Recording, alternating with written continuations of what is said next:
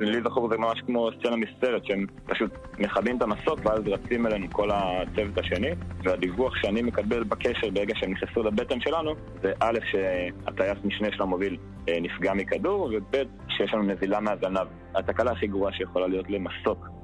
אני אומר לו, הכל טוב, תמריב, אתה מבין את החשיבות של המשימה, של אוקיי, לא משנה מה עכשיו, אני הולך להנחית את הלוחמים האלה איפה שצריך. ערבות אה, מטורפת, נלחמים כתף אל כתף כמו יחידה אחת. כאן רשת ב' אנחנו כאן. כאן רשת ב' אמילי אמרוסי ויובל אלבשן. כאן רשת ב'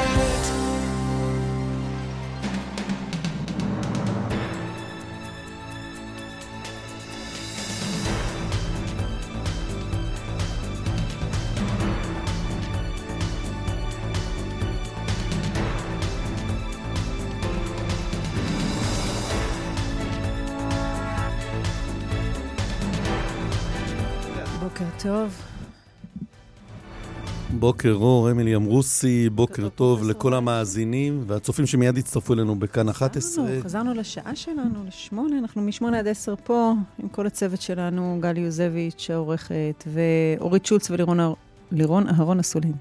אמת, ורוני נאור על הצד הטכני. ועוד כל מיני שהצטרפו אלינו במהלך השעה, נקווה שלא הרבה מדי. ובעצם אנחנו לא היינו פה בשמונה בבוקר מזה שישה שבועות. השבוע שעבר מה היינו? היינו בתשע, הרבה שלא שמו לב, פספסו אותנו וכתבו לנו ושאלו איפה אנחנו. הנה, אנחנו פה. אנחנו כאן. אנחנו כאן, זזנו יבשת והכל השתנה ושום דבר לא יחזור להיות כמו שהיה, אבל אה, אנחנו כאן. תגיד לי מה שלומך הפרטי רגע. מה שלומך הפרטי? יובל אלבשן. את יודעת, זו השאלה שכאילו כולם מתחבטים באיך... וכולם עונים שלומי כשלום עמי. כן? לא, זה אצלכם בדתיים. אצלנו אומרים... אני חושבת שזה היה חיים חיים. אצלנו אחרי ארץ נהדרת אומרים כמה שאפשר. אני אומר אה, בעקבות אה, ידידה במגבלות הז'אנר, אבל האמת, עכשיו בלי צחוק, די זיפט. די זיפט. זה גם תובעני. אני לא מצ... אני, מאז השביעי באוקטובר, האמת שאני לא, כאילו, אנחנו הבעיה הכי קטנה, זאת אומרת, אנחנו האלה שצריכים לדאוג להם הכי מעט, בוא נגיד זה ככה. כן, אין לנו זכות בכלל להתלונן, אמר אה, חנן בן ארי, כן, הכל טפו חמסה וברוך השם, אבל... אה, לא, לא, לא בגלל זה, כאילו, את יודעת... אה, גם העורף חיוון. אין לי ילד בתוך עזה כרגע, וכאילו, ואנחנו בבית, ואנחנו, כאילו, אנחנו במעגלים ה... כאילו, היותר רגועים, ועדיין, עדיין, אני לא מצליח לישון עם כל, ה... עם כל הדברים שאני מנסה לעזור. אני מת... נרדם מוקדם, מתעורר מקיץ מוקדם, ו... החוסן בא בגלים וטפטופים קטנים מאוד, אה, ואנחנו אה, באמת נאחזים במעט האור שמגרש הרבה מהחושך, שמופיע כאן עם כל התכונות הטובות של העם והחברה שלנו. אה, ונשמע מה רוצים החות'ים מאיתנו. בוקר טוב, כרמלה מנשה. בוקר טוב, כרמלה. בוקר טוב, אמילי, בוקר טוב, יובל אה, אלבשן, כן. כרמלה, אני חייב להגיד לך, קודם כל, אנחנו מנסים גם להקליל, את יודעת, לחזור לימי שישי, אנחנו לא נקליל ממש. אבל אני חייב להגיד לך, לשאול אותך, האם את אי פעם חלמת שתדווחי על התימנים ש, שמתקיפים אותנו? מאיפה, מאיפה בא הסיבוב בעלילה הזה, באמת? לא, האמת שלא, לא, גם, תשמע, האחוז עם מילא, אבל אה, שאפשר להתמודד איתם, אבל כל האירוע המחריד, הכישלון הזה, המחדל הזה, אני מוכרחה לחזור לזה כל פעם. בסוף אנחנו, יש לנו אה, אזרחים ישראלים, יותר מ-200 שנמצאים לא בעזה, בשבי של הרוצחים האלה של החמאס, שנמצאים במנהרות, מי העלה על דעתו שייכנסו? זאת אומרת, התוכניות האלה של החמאס היו ידועות למערכת הביטחון, גם מעזה וגם... למערכת הביטחון, כרמלה, לעיתונאים ב-Associated Press זה היה ידוע. טוב, אבל... טוב, אנחנו רוצים לשמוע את העדכון על... בוא נשמע את העדכון ונצא... על אירועי הלילה. כן. כן, אי אפשר אבל לא לחזור לזה כל פעם. אי אפשר. זה לזכור. צה"ל תקף אה, בלילה בסוריה בתגובה לשיגורו של כלי טיס בלתי מאויש לאילת, שבמערכון נפגע מבנה בית ספר אה, בעיר, אה, ובצה"ל ובמערכת הביטחון כמובן רואים את המשטר הסורי אחראי.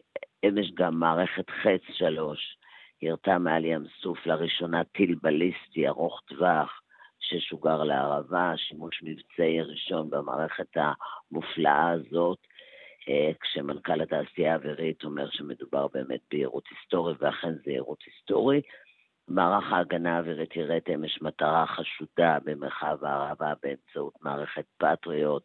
המטרה הזאת לא חצתה לשטח ישראל, ובמהלך הלילה קרבות ירי סמוך לבית החולים שיפא, הפעילות ברצועת עזה, כוחות חי"ר, שריון, הנדסה, חיל האוויר וכוחות מיוחדים פשטו על הרובע הביטחוני של החמאס בלב העיר עזה, שסמוך לבית החולים אה, שיפא. אנחנו מדברים פה על הרובע הביטחוני המרכזי, ששמע את אה, אתרי טרור אסטרטגיים של החמאס. מה, ש... מה שהתחילו לקרוא אצלנו, גם בזכותך, אה, הקריה פשוט, הקריה הפלסטינית. כן, מטה מודיעין מרכזי, מטה הגנה אווירית, משרדים של החמאס, משרד הפנים, תחנת משטרה, מתקני אימונים, מתקני משטרה, מוצבים צבאיים.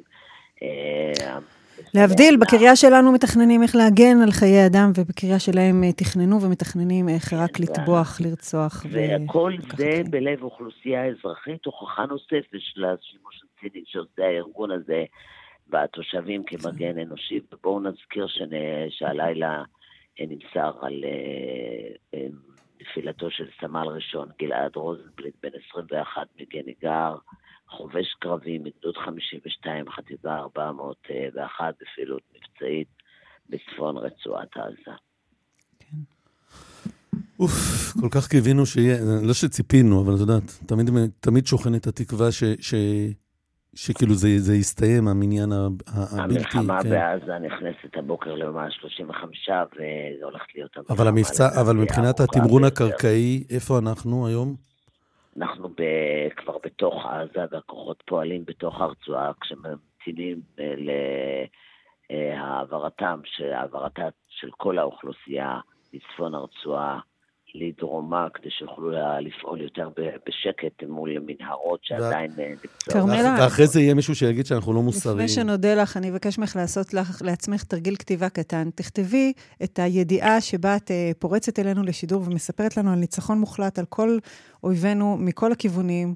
אה, ועל כך שישראל תשב לבטח למאה שנים, אנחנו נשמח מאוד לשמוע. רגע, מה עם הצפון אבל? דיברנו על הצפון? היא תכניס את זה לידיעה לא, שבה... הצפון אין כלום אה, כרגע, כרמלה. שידרתי על אה, אה, ירי... אוקיי. סליחה, אנחנו הייתי פה... סוריה, כן, ירי כן. מלבנון.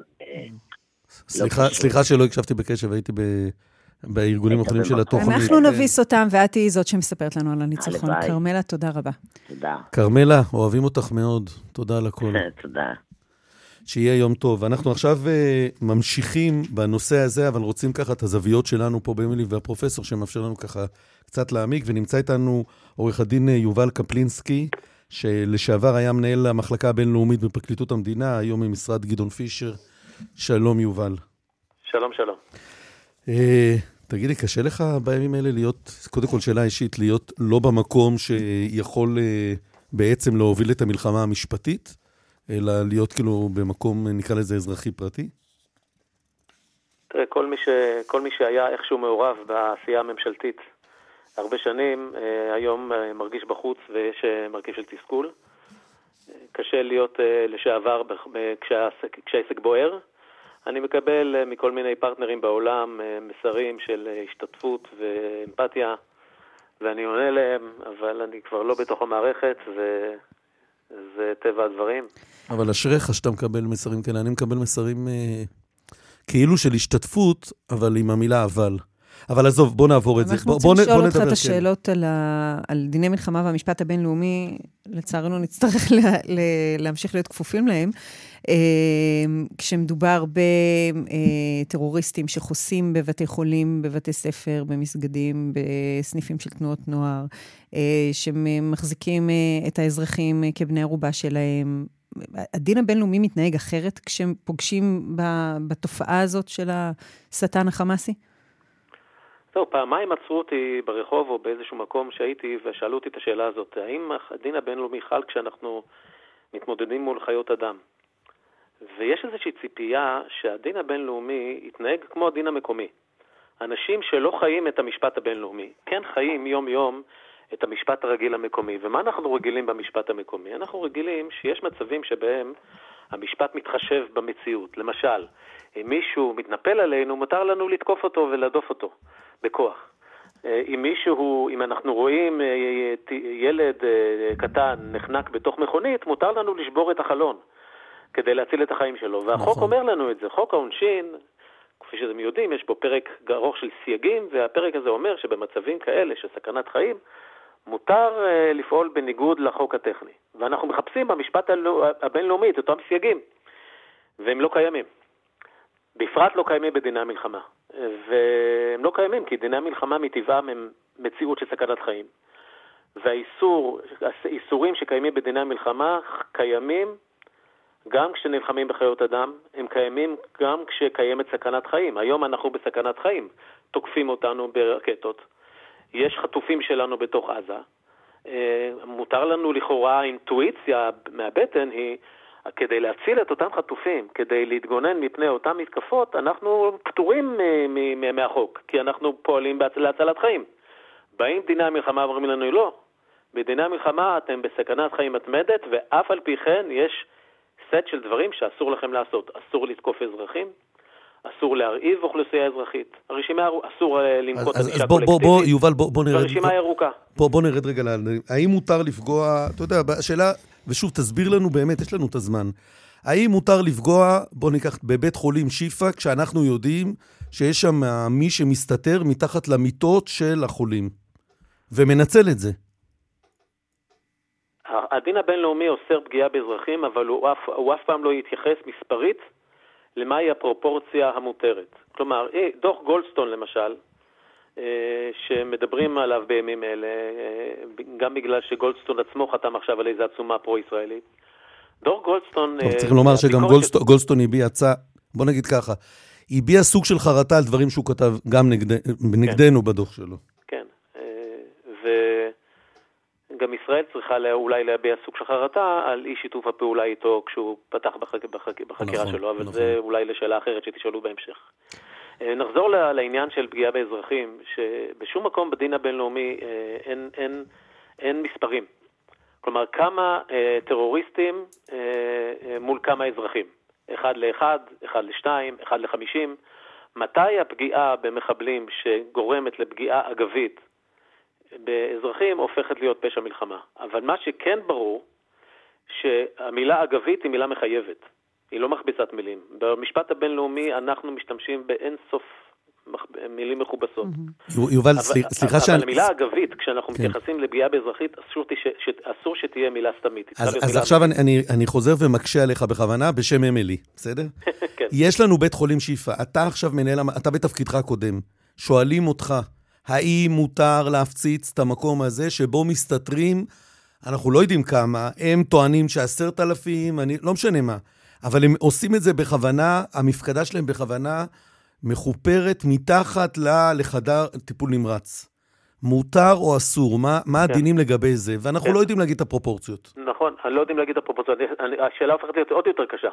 כי אז היועץ המשפטי שנמצא ב, בתוך, אותה, בתוך אותו צוות, הוא, הוא מבין, אז לא נותנים לו מספרים. אז הוא אומר, אתם לא נתתם לי מספרים, אז אני מבין, אני יודע מה זה בית חולים, אני יודע איך, נראה, איך נראים צוותים רפואיים, איך נראים חולים, איך נראים רופאים, אה, אחיות, אני יודע מה יש בבית חולים.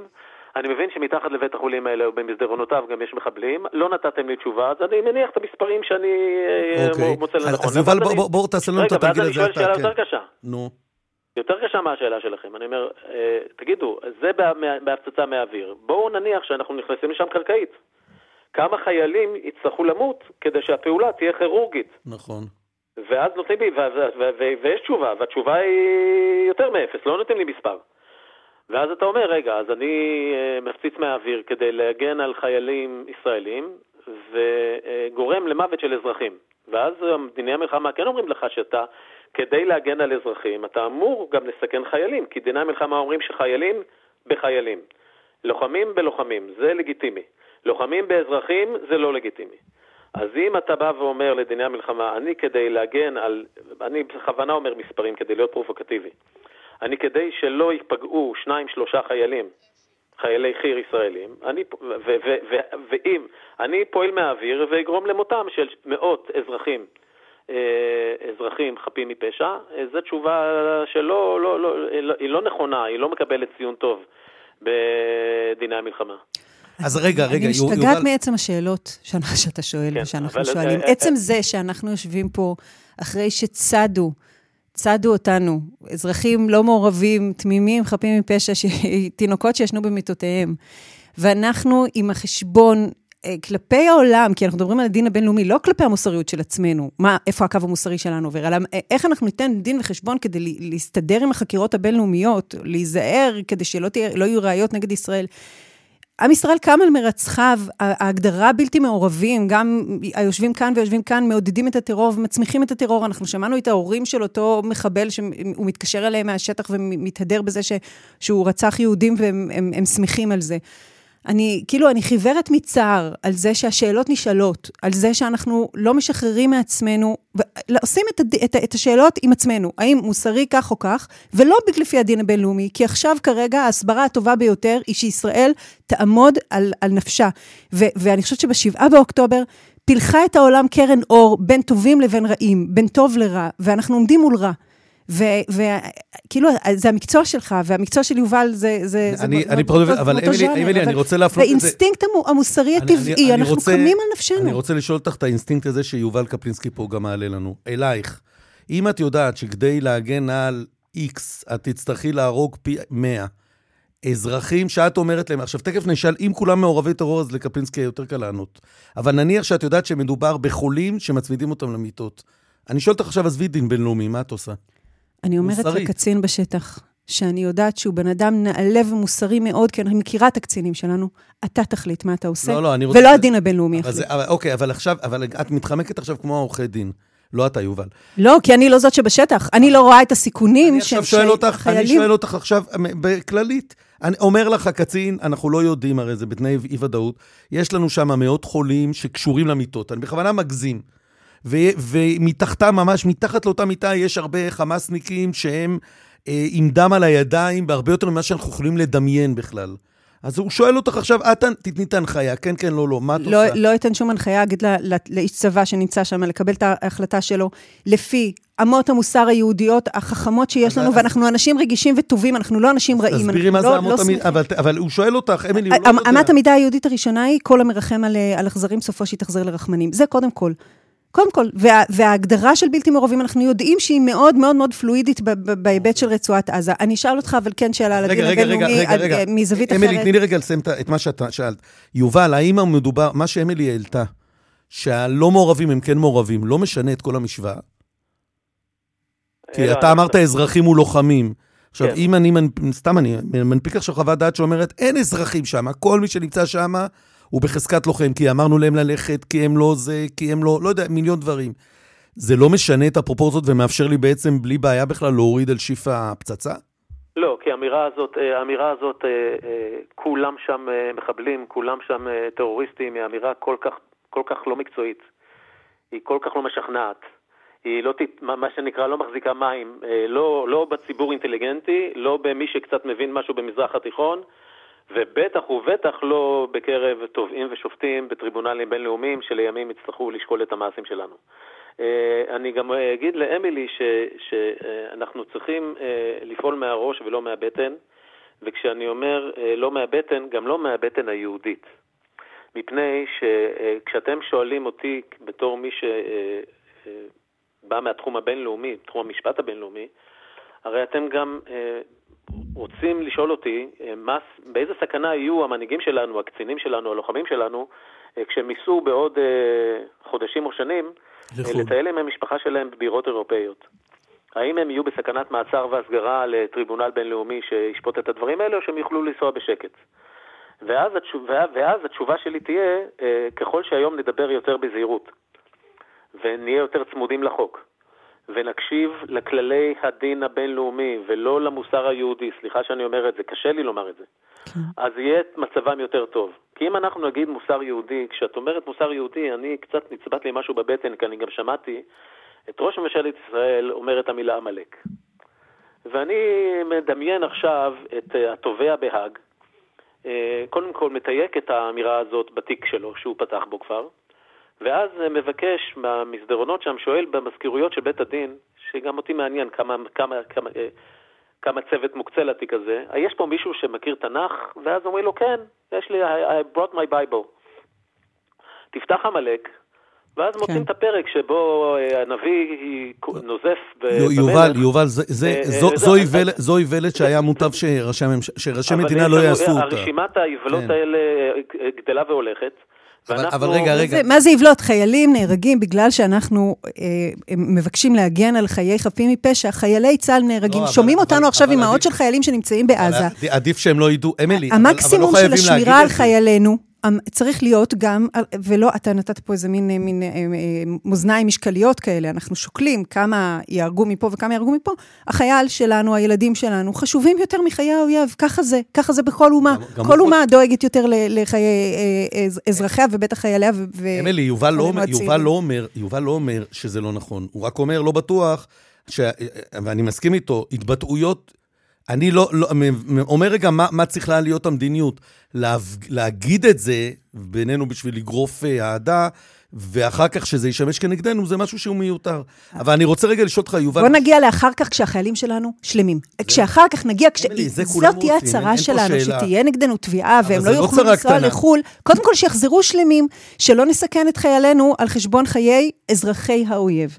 ואני אבל רציתי לשאול שאלה מכיוון אחר, שמאוד מעסיקה אותי, הנושא של אה, אה, העברת אוכלוסייה. אה, יש, זה, זה מונח כרגע, כי זה בעצם גם יכול להיות הפתרון המוסרי, גם עבור אזרחי עזה, תושבי עזה, שכלואים. ו- וחייהם אינם שלווים בתוך, ה- בתוך המצור הזה, בתוך הכלא הזה, בתוך רצועת השטח הזאת. רבים מהם מבקשים לעזוב, אחרים מהם עוזבים עכשיו, נעים דרומה, לא, מ- לא מבחירה. יש בדין הבינלאומי התייחסות למילה הכל כך אה, לא מקובלת הזאת, טרנספר? אה, בוודאי שטרנספר אה, זה פשע מלחמה, ואם ישראל עכשיו בכוונה משנה את אוכלוסייה לצמיתות, זה ייחשב פשע מלחמה, וישראל לא מכריזה על זה בכלל, ואני בטוח שהיא גם לא מתכוונת לכך. מה שישראל עושה זה מאפשרת לאזרחים לצאת משטח מלחמה, שזה בוודאי, לא רק שזה איננו פשע מלחמה, אלא זה מצוות עשה. בדיני מלחמה. אם אתה רוצה, דיני מלחמה לא יכולים לך מצד אחד, אל תפגע באזרחים, ומצד שני, אל תזיז אזרחים אפילו אד הוק לצורך אה, מלחמה, וזה לגיטימי לגמרי. אני, אני, מנגד, מה שעושה חמאס, או מה שעשה בעבר, זה למנוע את היציאה של אותן, אותה אוכלוסייה, וזה פשע מלחמה. כלומר, חמאס שעומד בדלת של האזרח העזתי שרוצה לפנות את ביתו, כי כדי להציל את חייו, ואומר לו, אתה תישאר פה, כי אני צריך אותך כמגן אנושי, אז האיש החמאס שמשאיר אותו בביתו, הוא מבצע פשע מלחמה. ישראל ששולחת לו כרוז ואומרת לו, צא מהבית לתקופה מסוימת, כדי שנוכל לנהל מלחמה באזור המגורים שלך בלי לפגוע בך, ישראל איננה מבצעת פשע מלחמה. אני רוצה אבל לומר קודם, דיברת להחזיר את החיילים בשלום. אה, כשאני הערתי הערות על מה, ש... מה שעושים פה ההנהגה שלנו והקצונה הבכירה, לא, אה, לא דיברתי על אף מעשה. בן גוריון אמר, חשוב מה, לא חשוב מה יאמרו הגויים, חשוב מה יעשו היהודים. ואני אומר היום, שהוא גם אמר או"ם ושמום, אבל אנחנו בעידן אחר. אנחנו בעידן של האו"ם יש שיניים. ולכן לא חשוב רק מה יעשו היהודים, חשוב גם מה יאמרו היהודים. וגם מה לא יאמרו. ובעיקר חשוב מה לא יאמרו. ובהתבטאויות שאנחנו מתבטאים היום, חלקם בתום לב, וחלקן זה בהתבטאויות של מפקדים בפקודה לחיילים כדי לעודד את רוחם. אבל שימוש במילים כמו נקמה, שימוש במילים כמו תזכרו את המראות שראיתם, אה, מי ששומע את שני הביטויים האלה ביחד, אומר, רגע, נקמה ולזכור את מה שראינו, זה אומר שאנחנו צריכים לעשות להם את מה שהם עשו לנו, חס וחלילה. כי אנחנו מבקשים למנוע שפך דם באמצעות הרתעה למאה השנים הקרובות, כדי שלא הדם שלהם יישפך ולא הדם שלנו יישפך, כדי, יעצרו, כדי שיעצרו המלחמות, קיר ברזל צריך להיבנות, ועוצמה גדולה מאוד של תגובה צבאית צריכה להיות כאן, כדי שאנחנו נוכל לחיות כאן בשקט, וגם הם יוכלו לחיות. אין לכם, אין לכם מחלוקת, אה, אמילי.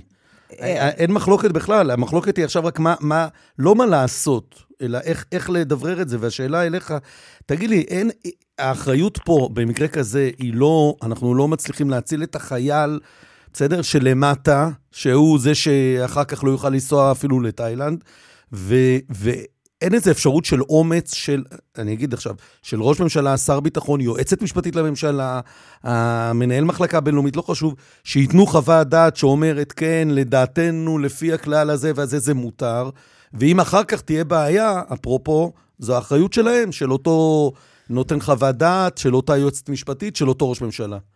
כן, אבל רק שהדבר, המילה זה מותר יכולה להיות מילה אד הוק לגבי פעולה ספציפית. התקפה של בניין מסוים, בכתובת מסוימת בעזה, בניין, למשל, משהו שהיה בדור גולדסטון, מתקפה על תחנת משטרה.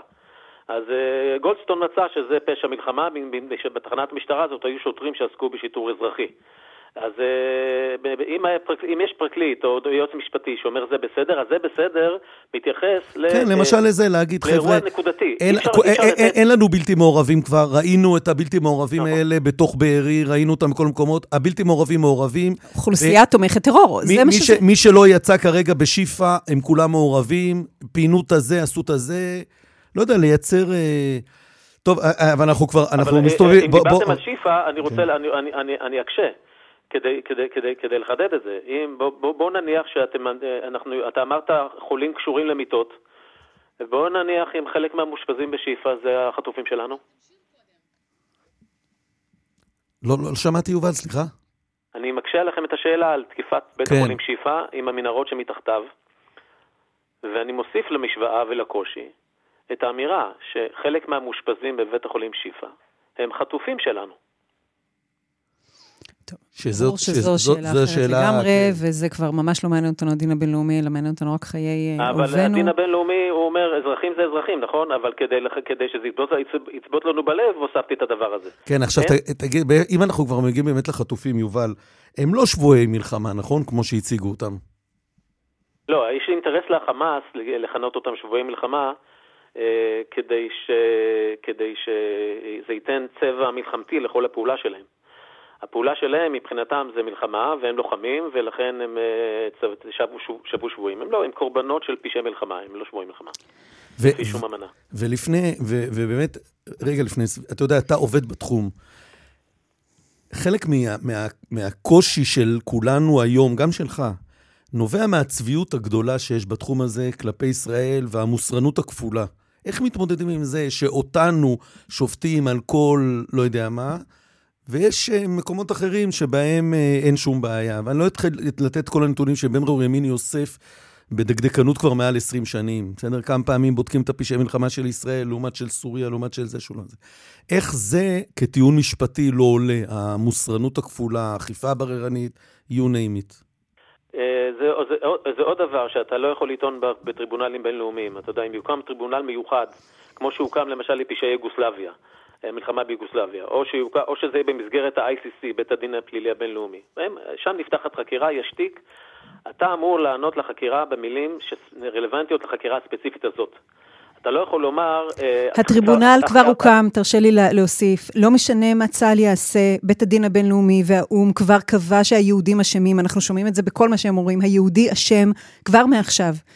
ונותר לנו רק להגן על, על חיינו ועל חיי אזרחינו וחיילינו. אמילי, להגן זה גם להגן משפטית. זה, זה כן, מה ש... אה, זה, זה חלק מהעניין. משפטית, להיות... זה לא משנה, אנחנו, אנחנו, אנחנו כבר מורשעים, הורשענו אנחנו רוצים להיות לא רק צודקים, אלא גם חכמים. נכון. ולפעמים, כדי להיות חכמים ויעילים ואפקטיביים בהגנה על האנשים שנלחמו, וכשאת אומרת לחזור הביתה בשלום, זה גם לחזור הביתה בשלום, וגם אחרי זה להיות, להסתובב בעולם בשלום. אנחנו צריכים לתת תשובות אה, אה, שהן תשובות אנליטיות, אינטליגנטיות וקולעות. וכאן אני בא ואומר, שלהגיד לבית הדין הפלילי הבינלאומי, שפתח, שהודיע שיש לו סמכות לחקור, הוא לא פתח בחקירה ולא הודיע שהיהודים אשמים, בינתיים מה שקרה זה שהתובע אה, הגיע לביקור בעזה, בגבול עזה, במצרים, והודיע שהסמכות שלו לחקור, שהתחילה לאחורה מצוק איתן, נמשכת גם לאירועים הנוכחיים.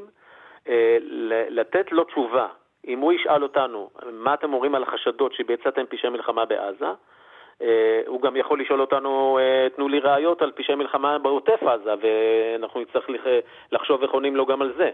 אבל אם נענה לו תשובה שאומרת, אנחנו לא מוכנים להתייחס לגופו של עניין כי לא חקרתם את סוריה, כי לא חקרתם את אפגניסטן, כי לא חקרתם אירועים פי אלף יותר חמורים במקומות אחרים, זאת תשובה מהבטן, היא תשובה משכנעת אה, ציבורית, היא תשובה, מה שנקרא תגובה ציונית הולמת, היא לא תשובה משפטית אפקטיבית. ושאנחנו צריכים לשאול את עצמנו מה אנחנו רוצים להיות.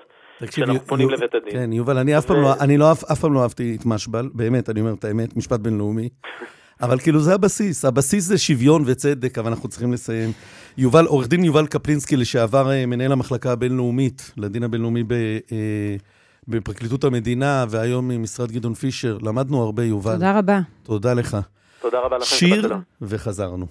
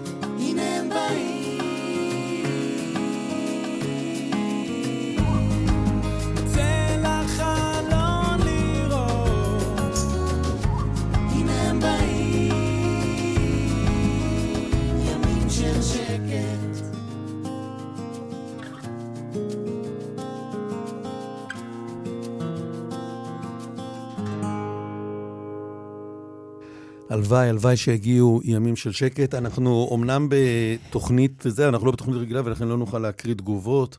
הדיון על הדיני מלחמה מקומם, או כמו הרבה תגובות, את מי זה מעניין בכלל. הסעיר את ליבי מאוד, כן. אה, אבל אנחנו בעניין אחר, אה, ומודים לך מאוד שאתה מסכים לדבר איתנו עכשיו, עופר אה, אשחר.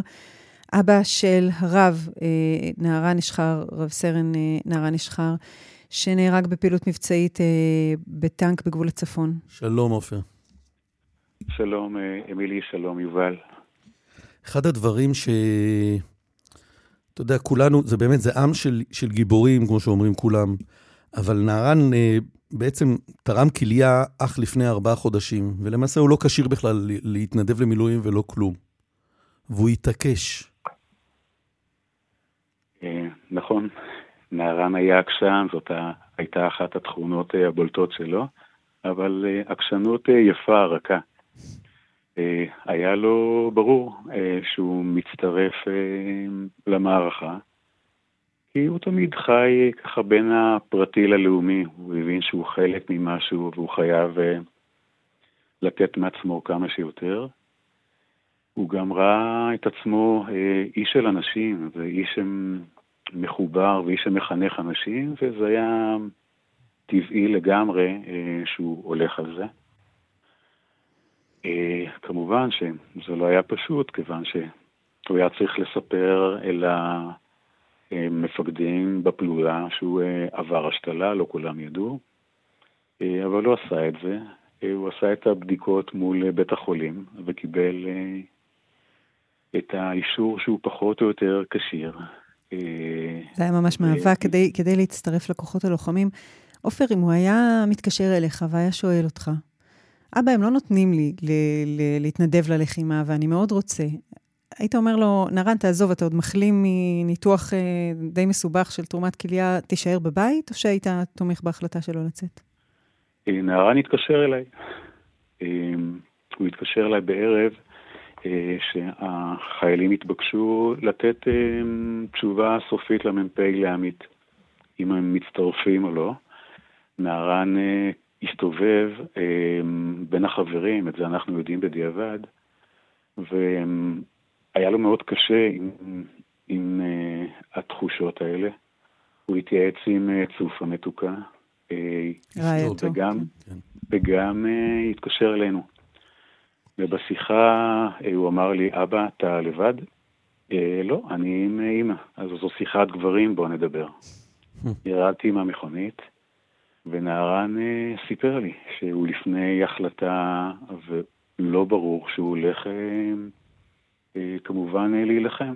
כי הוא איש חינוך, הוא איש של אנשים, הוא צריך להוות דוגמה לאנשים, ולא יכול להיות שהוא לא יעשה את כל מה שהוא יכול.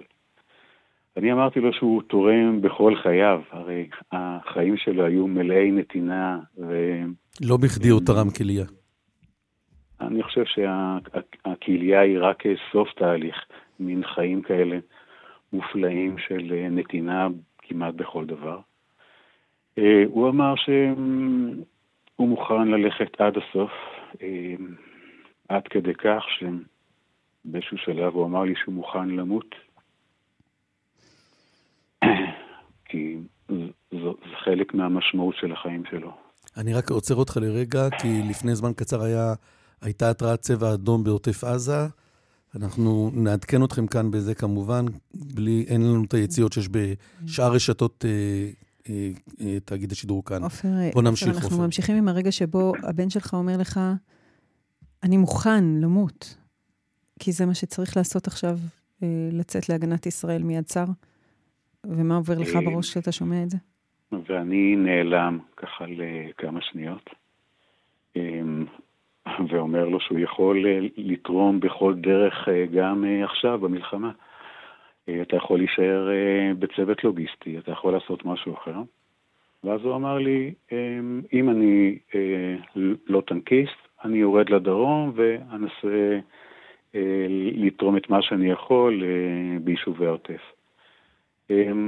אישרנו אמ, את השיחה, אה, את השיחה די פתוחה, למחרת בבוקר דיברנו, והוא אמר, אבא, אמא, החלטתי ואני נשאר כאן, וכמובן שמכאן והלאה אה, בירכנו אותו, איחלנו לו בהצלחה. ומשם הוא המשיך אה, הלאה. היה מי שכעס עליו על ההחלטה הזאת שלו? אני חושב שבין החברים, בדיעבד, היו כאלה שכעסו, מה אתה עושה ולמה, והסתדרו בלעדיך. אבל... אני מניחה שאתם כאנשים ש... מאמינים, לא, אולי אתם חושבים שזה היה קורה, שומעים את זה הרבה במשפחות שכולות, אומרים, זה היה קורה בכל מקרה, מוטב שהוא נפל על הגנת המדינה מאשר סתם מאיזה אירוע סתמי. נכון, אם כי אני מנסה להיות די צנוע כדי לדעת מה היה קורה אה, אם הוא לא היה שם, אני לא יודע. אה, אבל אנחנו ידענו שזה נערן, זה שלו וזה חלק מהחיים שלו. וזה מה שהוא עשה באופן הכי טבעי לו. ראינו את הפרידה הארוכה מנערן, אה, שאתם נפרדים ממנו, בעצם הם עוד מתפללים. מקווים ומייחלים להישארותו בחיים. כולכם עומדים סביב מיטתו, זה שודר אה, שוב ושוב, אה, מנגנים ובוכים. ספר לנו על הימים האלה. הימים האלה היו ימי, ימים של חסד מבחינתנו, אה, כיוון שהם נערן, כמו, כמו נערן, תמיד אפשר איזה משהו שהוא מיוחד מעל החיים. ובשבוע הזה, באופן די טבעי וספונטני, אנחנו היינו שם, היינו בבית חולים, ועשינו מה שאנחנו יודעים לעשות. שרנו וניגענו והיינו, והאמנו וקיווינו. ולא כל כך רצינו אה, להיכנע ל, למצב המאוד קשה, והרופאים שיקפו לנו מצב מאוד קשה. אבל לי ולאשתי, לרוחלה היקרה והמתוקה, היה ברור שאנחנו רוצים להתרומם ולא רוצים לרדת. אז העדפנו לא לשמוע סקירות יומיות, אלא להיות בשלנו, עם עצמנו, עם המוני אנשים שעטפו אותנו, והחברים של נערן, ואנשים מכל המינים והסוגים. עד שהם ביום ראשון קיבלנו את הבשורה, וניסינו גם אחרי שקיבלנו את הבשורה לעטוף אותו במוזיקה ובאהבה גדולה, ונפרדנו. כבר נוצר הגעגוע, או שאנחנו עדיין בפרידה? אני חושב שזה משהו משולב, אנחנו כמובן לומדים את זה. וכל יום אנחנו אני, אנחנו לומדים מחדש מה אנחנו עושים עם, ה, עם האור הענק שהוא אה, השאיר לנו, ובכלל, אני חושב שבציבורים רחבים. אה, מניח ש, שאחרי השבעה אנחנו ניכנס למצב קצת אחר, אה, ונראה איך אנחנו אוספים אותנו, אותו, את כל הדבר העצום הזה שהוא השאיר לנו. ספר לנו איזה משהו משעשע על, על... שאתה ככה, כשאתה נזכר בנערן, אתה מתחייך ישר. אולי לא משעשע, אלא משהו מרכיב של האור שהיה שלא, פה. כן, לא, לא, דווקא באמת, רציתי כן לכיוון של ה... אני קראתי המון עליו, גם עוד לפני התרומה וגם אחרי שנתתם. וכשאתה אומר אור, זה אור עם חיוך. זאת אומרת, רבים אלה שכתבו, קראתי, נדמה לי בידיעות, אבל אני לא בטוח, על זה ש, שכאילו היה הוא הרים את הסביבה. נכון, אה, נערן בכל מקום שהוא היה, אה, מילדות ועד עכשיו, הוא היה מין אה, סוג של, של מגדלור קטן. שאנשים רצו להיות במחיצותו והוא במחיצותם. והוא היה גם פשוט ילד ונער ואיש מצחיק ופשוט ואיש של אנשים. הוא לא היה רק בשמיים, הוא היה הרבה בארץ, בכל דבר, עם, עם כישורים קטנים וגדולים, עם מגעים עם אנשים. הוא התהלך בתוכנו, הוא, הוא לא היה אי שם אה, אה, למעלה מנותק, אבל זה היה חלק מה... מהקסם האינסופי שלו. וגם שלכם, עופר, אתם יכולים להיות גאים שגידלתם נשמה כל כך אה, מגדלורית ומהירה. ו- ואני רוצה לשאול אותך, אם אתה, כשאתה מדבר אליו, אם אתה מסכים לשתף אותנו במה אתה אומר לו, חלקיק ממה אתה אומר לו עכשיו, אה, כאן במיקרופון. או מה היית אומר לו? אני חושב שעדיין... אה, רק אם אתה רוצה, אתה, אתה מחליט.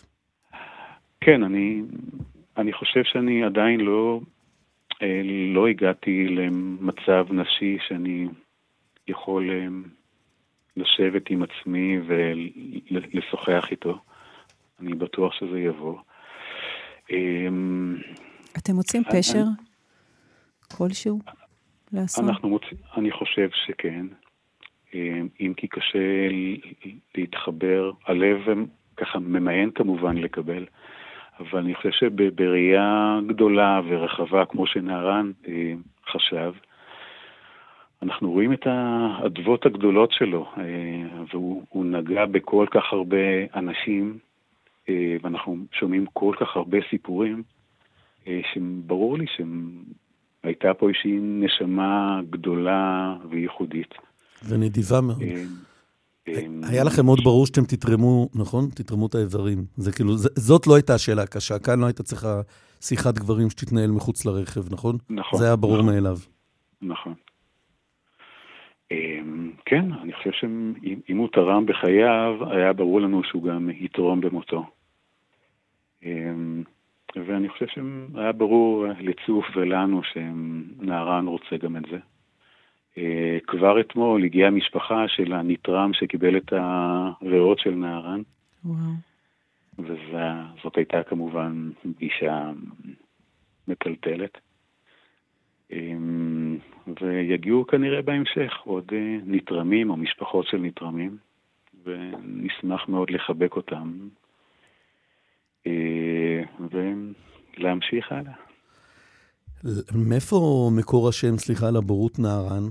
למה, למה קראתם לו כך? Um, כתבתי, אמרנו את זה בהלוויה, שאנחנו לא יכולים לשחזר את, ה, את הסיבה האמיתית. אני, אני מניח שזה צליל שמצא חן בעינינו. במקום בארץ עם חיבור לארץ בבקעת הירדן. כן, אתם עצמכם גרים בשדמות מחולה בצפון הבקעה. נכ, נכון, אבל זה רק בשנתיים האחרונות ולא לפני 33 שנים, כך שגם פה יש איזה... רק נגיד ששדמות מחולה זה יישוב יחסית קטן, שכבר שלושה מבניו נפלו. נכון, נכון, נכון. אה, ועם השנים נערן הפך למין סוג של אה, מין אה, מודע כזה, מכיר את נהרן, יודע נהרן, אה, מאיפה אתה? אה, אתה יחד עם נהרן. והשאיר אחריו ניגונים רבים, יש הקלטות שלי, גם שומעים אותו שר, ו, ו, וניגונים שלו, והשאיר אחריו גם שני ילדים, שני נכדיך היתומים. איך ההרגשה נכון. עם זה ששארי בשר מתהלכים פה מצד אחד יתמות לכל החיים, כמו שיובל יודע להגיד.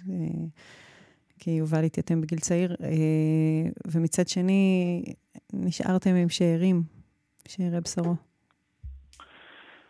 אה, אני מניח שאנחנו כל הזמן נהיה בין לבין, בין, ה...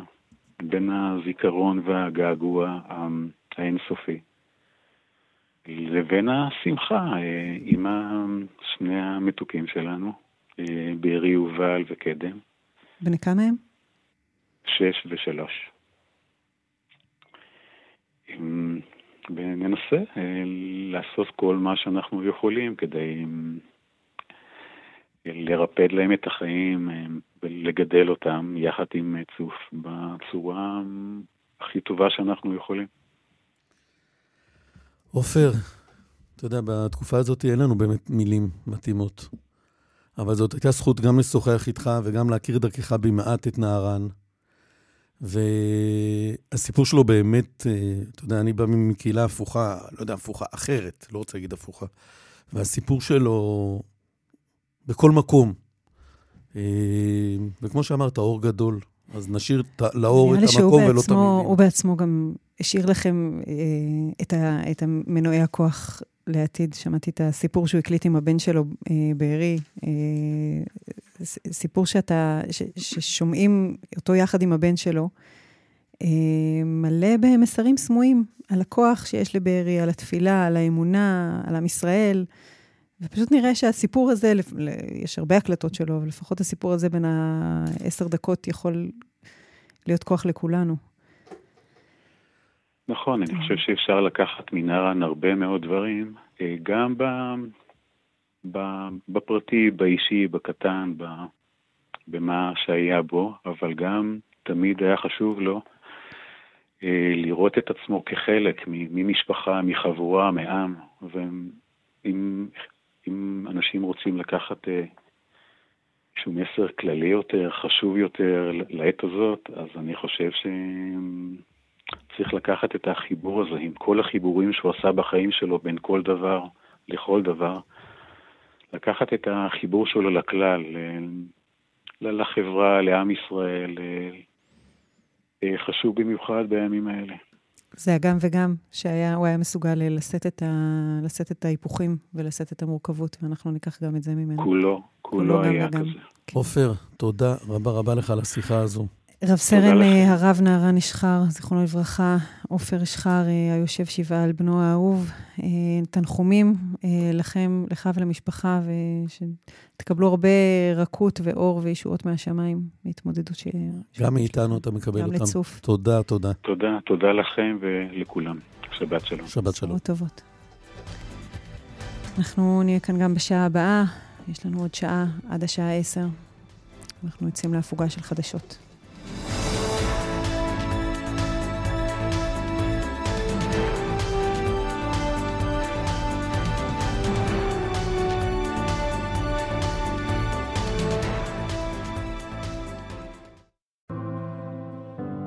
עושה מילואים כבר 15-20 שנה, לא ראיתי חדות כזאת בחיי.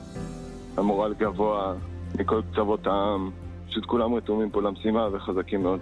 מסתכלים ביחד ברוח לחימה משותפת, פשוט שועטים קדימה. אני לא מרחם על האויב שפוגש באנשים האלה. אין טובים מהם. כאן רשת ב' אנחנו כאן. כאן רשת ב' אמילי אמרוסי ויובל אלבשן. כאן בשפט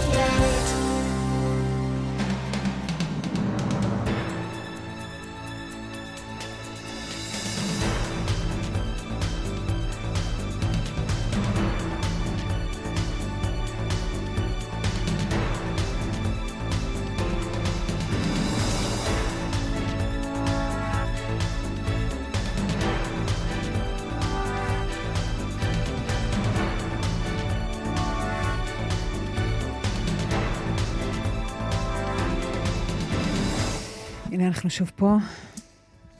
בשעה השנייה אנחנו מקווים שוב שלא יהיו לנו פה דיווחים ויהיו לנו... אה, כמובן, תוכנית רגילה היא לא, אבל שיהיה לנו פה אפשרות אה, קצת, בכל זאת, לרווח ולהתרווח, קצת להסדיר נשימות. אנחנו עם רוני נאור, לירון אהרון אסולין ואורית שולץ שעוזרים לנו. אה, תשמע, התמונות שראינו אתמול אה, של אה, יציאת עזה, אה, אנשי, אה, אנשי הרצועה אה, מעתיקים את אה, מקומם דרומה עם דגלים לבנים מונפים. בחסותנו, שהחמאס מונע. בהבטחת חיילי צה"ל, שהחמאס החמאס לא נותן להם להציל את נפשם, נפשותיהם, וצה"ל הוא זה ששומר על, המש, על משמרתם, זה עומד על משמרתם, זה דבר מדהים. ו... ובכל זאת, גם חרף העובדה שהם שבויים בידי חמאס, הם... זה, זה הרי סיפור לאומי, אין לנו עניין פרטי עם אף אחד פה, זה, זה לאום הוא לאום, והלאום הזה הוא האויב שלנו, ולראות אותם מניפים דגלים לבנים. היה רגע, או לראות את חיילי צה"ל עומדים בחוף עזה ומניפים את דגל ישראל למעלה. אה, אתמול זה, זה, זה רגעים שהם ממלאים את הלב באינסטינקט פשוט של הבנה מהו, איך נראה הניצחון. אנחנו עוד לא מנצחים, אנחנו עוד, אה, יש לנו עוד מערכה ארוכה לפנינו.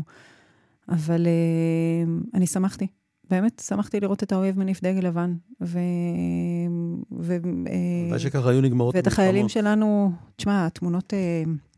של החיילים שלנו אה, עומדים בחופים אה, היפים של גוש קטיף. בשבילי באופן אישי זה טריגר. אתה יודע שאחד הפצעים הקשים והמדממים של חיי זה, זה העקירה הרעה והקשה שהייתה בשנת תשס"ה, שנת תש"ס, איש באחיו. אה, כשהייתי דוברת מועצת יש"ע, ולא נרפאתי מזה עד היום. וכן, זה פצע שלי שעכשיו הטריגרים שלו קופצים מכל עבר, מהדיווחים על מפונים, על אזרחים ישראלים מפונים ועקורים, ומזה ש, שצה"ל דורך על חורבות היישובים שמהם נורו טילים. אמ, אני, אני חייבת להגיד שאני מרגישה שהעם שלנו זז, אתה, אתה גם מרגיש את זה. זה יש, לא נקרא לזה התפכחות, זה לא ממש משנה, אבל יש תנועה מחשבתית חדשה של אה, סיפור חדש שנרקם עכשיו בהבנת המציאות שלנו, והמרחק האדיר בין העם לבין ההנהגה הוא פשוט לא ייאמן. יושבים הקיבוצניקים, קיבוצניקים אנשים שלא מהמחנה ההתיישבותי מתנחלי, כן? עומדים ואומרים לגנץ, אנחנו רוצים לראות, אנחנו נחזור לקיבוצים שלנו, ובתנאי שיהיה לנו נוף לים, וגנץ אומר להם, לא, לא, לא, לא, לא, אנחנו נמוטט את שלטון חמאס, אבל אז תישאר שכנה שלנו לנצח. אה, או, או שמגיעים החרדים ללשכות הגיוס, להתגייס, ומגיעים לשדות להתנדב, אבל ההנהגה שלהם נמצאת כל כך רחוק מהם, חלק מההנהגה. סיפר אה, תת-אלוף ארז אשל אה, למיקרופון, אמר שהלך לראשי, לפוסקים החרדים ביממות הראשונות אחרי טבח שמחת תורה. הלך לפוסקים החרדים, דפק על השולחן ואמר להם, האחיכם יצאו למלחמה ואתם תשבו לבטח, תנו לילדים, לבחורים לצאת למלחמה. אמרו לו, לא, לא, לא, לא, צריך לומדי תורה בעם. אמר להם, אתם יודעים מה? לא יצאו למלחמה. תשלחו את הבחורים לעזור בבתי החולים, יש מש... מאות פצועים ויש משפחות ש-24 שעות אה, אה, נמצאות ליד יקיריהם וצריכות שיחליפו אותם, תשלחו את הבחורים. אמר הרב לנדאו, אחד הפוסקים הגדולים, אמר את זה לארז אשל, וארז אשל מוקלט אומר את זה. אנחנו לא נשלח את הבחורים שלנו לסייע בבתי החולים, כי הבחורים רכים מדי, נפשם רכה, והם לא יעמדו במראות האלה. בינתיים הבחורים נמצאים בבתי החולים ונמצאים בשדות החקלאיים וגם מבקשים להתגייס. אבל זה פוסק חרדי גדול או, או ההנהגה שלנו שמדברת על אה, מסדרונות הומניטריים ועל, אה, ועל פתרונות כאלה ואחרים, כשהחייל בשטח והמיית הלב של העם, העולם מלמטה, היא להשיב לעצמנו את ההגנה, את ההרתעה, לא רק על ידי ממ"דים, אלא על ידי מתקפה בשטח של האויב ולא בשטח שלנו. לראשונה מזה עשרות שנים לפעול שם כמו שצריך עד הסוף. זה כל כך מייאש, המרחק הזה בין העם לבין ההנהגה. אני, אני חשבתי בכיוונים אחרים על המרחק הזה. אני, העם הזה הוא כל כך יפה, וכל כך, גם בעיניי צודק, וכל כך מבין, וכל כך, לא רק החיילים היפים האלה, אלא בכלל, כאילו אנשים עושים את מה שצריכים ומבינים, ולמעלה ממשיכים את המשחקים. אני לא רוצה לומר, אני, שוב, אני... אני חושב שבתקופה הזאת אני לא רוצה לחזור למשחק האשמות, ואני לא רוצה... אה, צריכים להניח בצד הלוואי שהיו מניחים את זה עוד לפני, את הקטטות ואת הצדקה וכולי. אני, אגב, לגבי התפכחות, אני לא יודע להגיד את זה. הרבה מאלה שאני גם לא, לא יכול, אה, אני מרגיש, אני אומר את זה רק על עצמי, אי אפשר, לא יכול להיות שמה שקרה ישאיר את הדברים כמו שהם, אבל לא יכול להיות גם שהוא יקבל פרשנות מיידית כל כך ברורה. עכשיו, יש כאלה שמה שהיה רק חיזק אצלם את צדקת הדרך, שהם צריכים לצעוק יותר חזק, והם צריכים, הם רק צדקו.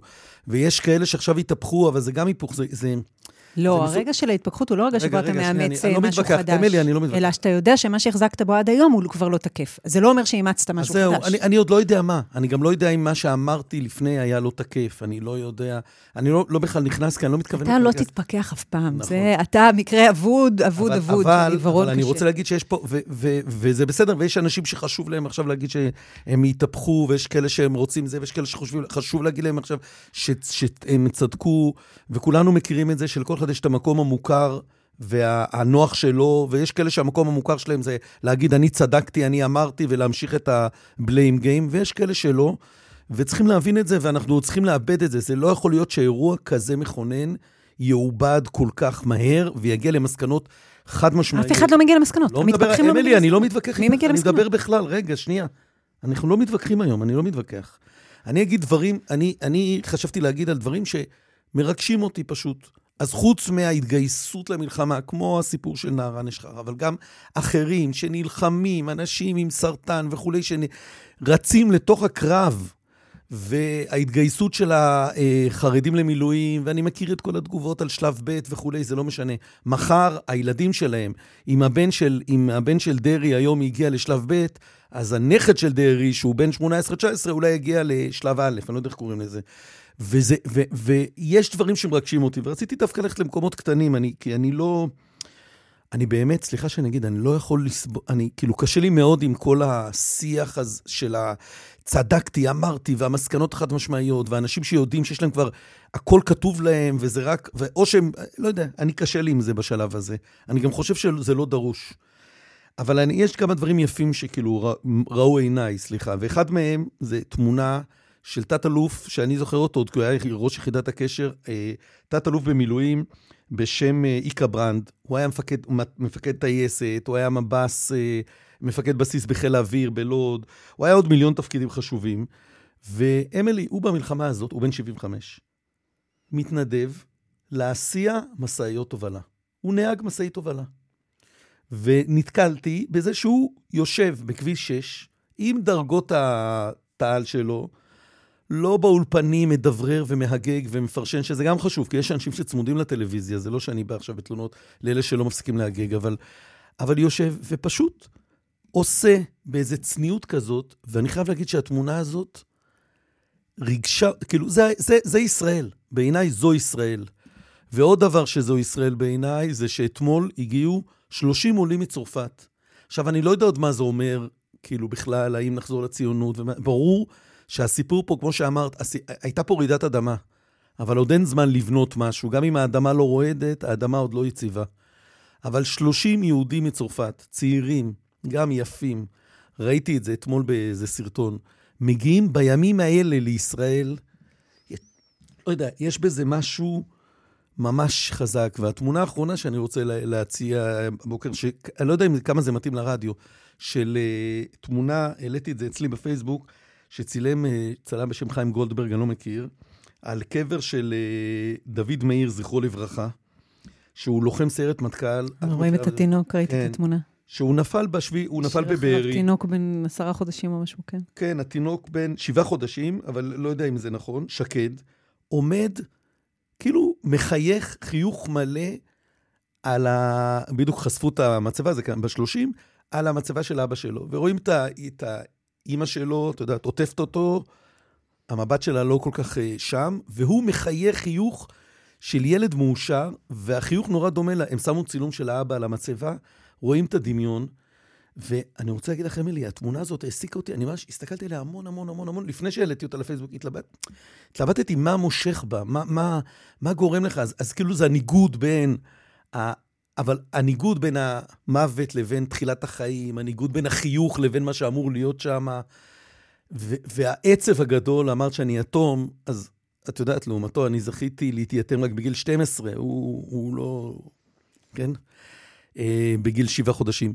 אבל היה בתמונה הזאת את כל הסיפור, את העצב ואת התקווה, והילד הזה שמשחק על התלולית האפר של, אה, של אבא שלו, בחיוך כזה, בלי שיניים, נכון, זה צילום, אני לא יודע אם יש, כל הזמן אומרים תמונת ניצחון, שזה גם ביטוי שאני מתעב, במיוחד אחרי מה שקרה במלחמת לבנון השנייה, אבל כאילו, זה לא יודע אם זה תמונת ניצחון, אבל זה, זה, זה, תמונת, זה התמונה הישראלית, זה, זה, זה הסיפור, ואני מקווה שלא יהיו עוד.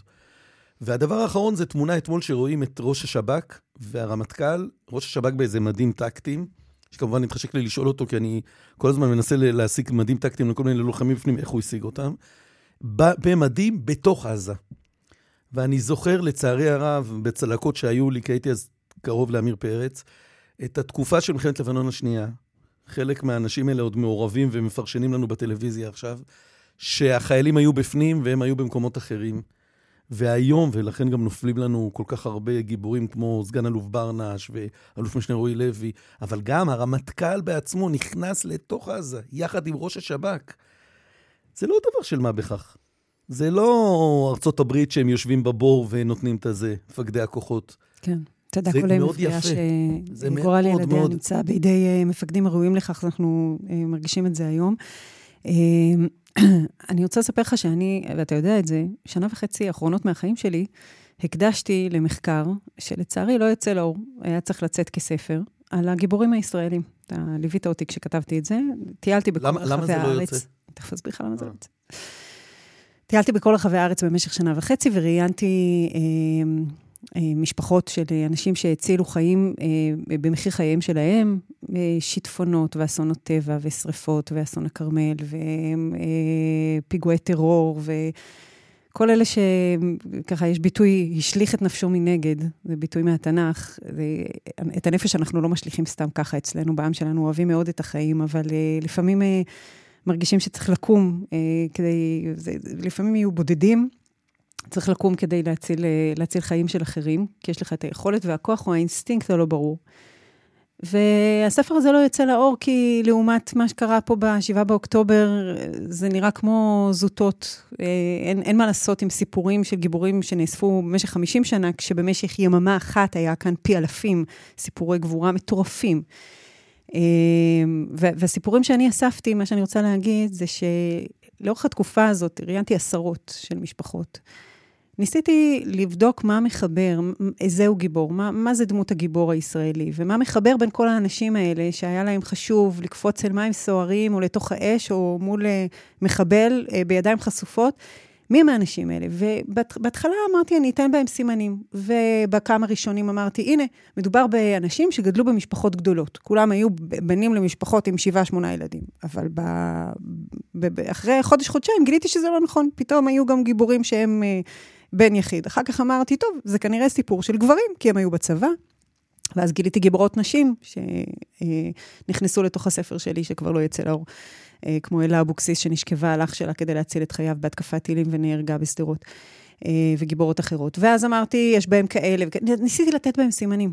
ובסוף המסקנה שלי הייתה שאין סימנים לגיבורים, ואי אפשר לדעת מראש, לעולם אי אפשר לדעת מראש מי יהיה זה שברגע האמת ש-99 אנשים יעשו את הדבר הנורמלי ויברחו, ורק אחד יעמוד וישיב, אה, ינסה להציל חיים ו, ויתמודד מול ה, מולו השטן. אי אפשר לדעת על זה מראש. יש בהם אליפלטים ויש בהם גיבורים מאותרים, יש בהם שמנים ורזים, יש בהם גבוהים ונמוכים ונשים וגברים מכל צדורות החברה הישראלית. את זה למדתי במשך שנה וחצי, את זה גם כתבתי בהקדמה לספר שלי שלא יפורסם כבר. אה, ואת זה ראינו גם ב-7 באוקטובר, שהגבורה הגיעה מנשים וגברים, קשישים וצעירים, עולים, ותיקים, יהודים וערבים. אה, זה מין מופע כזה, חד פעמי שמגיע, אתה לא יכול לדמיין את זה מראש, אתה לא יכול לצפות מראש איך תנהג. ואנחנו יכולים להיות מאוד מאוד גאים בעם שלנו ובמה שהתגלה כאן ב-7 באוקטובר, בטח גם ממה שאחריו. להתגלה ו... אבל אני חייב להגיד שאמילי, זה לא... אתה יודע, אנחנו פשוט נורא קרובים, זה מה שאמרתי, בגלל זה כל היודעי מסקנות המוחלטות. כאילו, מה שקרה פה, הוא היה עצום, אבל זה לא מבט... זה, זה... בסוף, זה לא יבטל את הגבורה שהייתה אה, אצל אלה, שנשכבה על אח שלה והצילה אותו ממוות בשדרות. ואני לא אומר שאת אומרת... ו- ו- כן, ספר היה צריך ממש לצאת לאור עכשיו, אבל זה כאילו לא הזמן להוציא. לא, יכול להיות שעכשיו זה לא... סיפורי גבורה קטנים. יכול להיות שזה, למרות שבעיניי הרוח, אנחנו צריכים לעבוד על הרוח גם עכשיו, במיוחד עכשיו. יש עם מלא ואין לו רוח. זאת אומרת, אין, אנשי הרוח היו במקומות אחרים, אבל... אבל אנחנו עוד נגיע לזה. רגע, רגע, אבל, אבל עניין של המסקנות. אתה אומר, אסור, אסור להסיק עכשיו מסקנות, אנחנו קרובים מדי. אה, לא, לא אמרתי אסור, אמרתי שאי אפשר. אני, אני לא יודעת, אבל יש דברים שמתבררים עכשיו, ואחר כך העננים שוב יכעסו על השמש, ואנחנו נשכח אותם. ואפשר לדבר עליהם, אפשר לא. להגיד, למשל, אנחנו מבינים מה זה עומק אסטרטגי, כי פינו את גבול הצפון כולו לטובת לחימה 0 עד 2 או 0 עד 3 קילומטרים. אה, אה, פינו את גבול הצפון לטובת לחימה, אנחנו מבינים מה זה עוטף עזה וחס וחלילה עוטף ישראל, אם אנחנו נצטרך, אה, עוטף גוש דן, אם נצטרך לסגת מההר המרכזי שלנו, איזה איום ישקף. מותר לדבר על המסקנות. לא. להגיד זה קרוב מדי בסוף. אגב, אני לא, מסקנה... אני, לא, אני, לא, אני לא אומר בכלל שאסור, אני, גם, לא- אני בכלל לא אומר, בתקופה הזאת אסור על כלום. אני אומר רק אני, אני מדבר על יובל, לא מדבר על העולם. Okay. אוקיי. אני מאוד משתדל, יש לי גם כל מיני דברים שעוברים לי בראש. את יודעת, את ואני הרבה פעמים דיברנו על השואה. ואני אמרתי לך משפט שאמר אלי ויזל ואמר גם רב, לא חשוב, שיכול היה להיות שהוא ציטט, כל פעם יש, זה מיוחס למישהו אחר, אבל זה לא חשוב, שיכול היה להיות יותר גרוע לנו היהודים. מה יכול היה להיות יותר גרוע? יכולנו אנחנו להיות הנאצים. ואמרתי לך, אני מאמין בזה. והנה, אני כבר יש לי תחילת סדק, כי אני, למשל, משפט הזה כזה, אני לא אגיד בקלות, כי קל להגיד אותו כשאתה חזק וזה לא יכול לקרות לך. לא, כמעט בלתי אפשרי להגיד את המשפט הזה כשאתה רואה בטן הריונית מבותקת והעובר בחוץ. אתה לא יכול להגיד את זה. אבל עדיין, מפה ועד ל... לא יודע מה, ל... אנש, אני שוב, אני מבין את הטלטלה, ואנשים צריכים להיתפס במשהו, או לחזור לקטטה המוכרת בעבר, או להיתפס במשהו הפוך. ועוד משהו אחד שאני רוצה להגיד על חטופים. אני אישית לא יכול. אה, תשמע, אני, נמנע ממני לראות את הבן שלי חמישה ימים, זה באיזה בהקשר אחר, כן? לא נתנו לי לראות אותו, אני, נמלא, הוא היה מאושפז, וזה היה במדינה זרה, עם נהלים מטומטמים, לא נתנו לי לראות אותו חמישה ימים, חמישה ימים שבהם אני, הבשר שלי התעכל מאימה אימהית, הייתי כולי רחם מכף רגל ועד ראש, בזעזוע נורא. וכמובן שהוא היה בבית חולים מטופל, והוא היה במרחק שלוש דלתות נעולות ממני, במרחק כמה מטרים ממני, ואני יכולה רק מתוך החוויה הזאת להבין מה זה להיות משפחה של חטוף. הילדים שלנו והאנשים שלנו נמצאים במרתפי העמלק. זה נורא, זה פשוט נורא. ויחד עם זאת, אני רוצה להגיד עוד משהו על, ה, על הבקשה של המשפחות הסופר לגיטימית, שתצעק ותיאמר על ידם כל הזמן, זה בסדר, שיעשו, שייתנו הכל וישחררו הכל כדי, כדי להחזיר את בניהם הביתה. אני ליוויתי את בת גלים שייר כשחטפו את הבן שלה, עוד היה, עוד היה, ההנחה של מערכת הביטחון הייתה שמדובר בחטופים חיים, כן? בשלושת הנערים. ושמעתי אותה אומרת, אנחנו כהורים רוצים שייתנו את הירח ואת כל כדור הארץ של הבן שלנו, ובאותה נשימה אומרת, אבל אל תקשיבו לנו, כי אתם מקבלי ההחלטות. ואם בגלל הבקשה שלי לשחרר, לעשות זה, יהרגו עוד אנשים, אז אל תקשיבו לי, אני כאימא אגיד את זה. ואני חושבת שזה הרגע שבו צריך להקשיב ולתת למשפחות החטופים לבקש הכל. מה שמונח על הכף, תשמע, אני ראיינתי השבוע משפחות שכולות לאורך כל השבוע במסגרת אה, פרויקט בכאן מורשת, תחנת אה, בת של, אה, של, של כאן. יש, ישבה שם דודה של חטוף, אליקים ליבמן, שנחטף לעזה.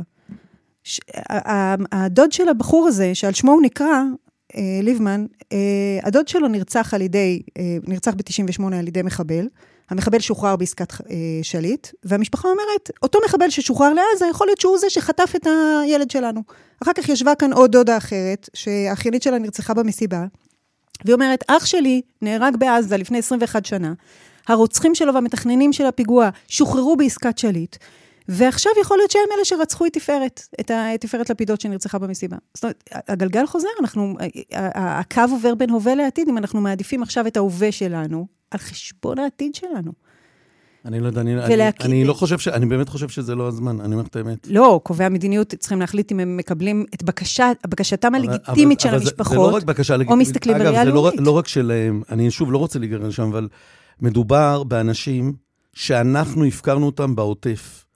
אנחנו, ויש לנו אחריות גדולה מאוד, זה גם לא דומה לפרשת גלעד שליט, עם כל הסיפור של היציאה מהטנק ואי-יציאה מהטנק, אני לא נכנס לכל הסיפור הזה.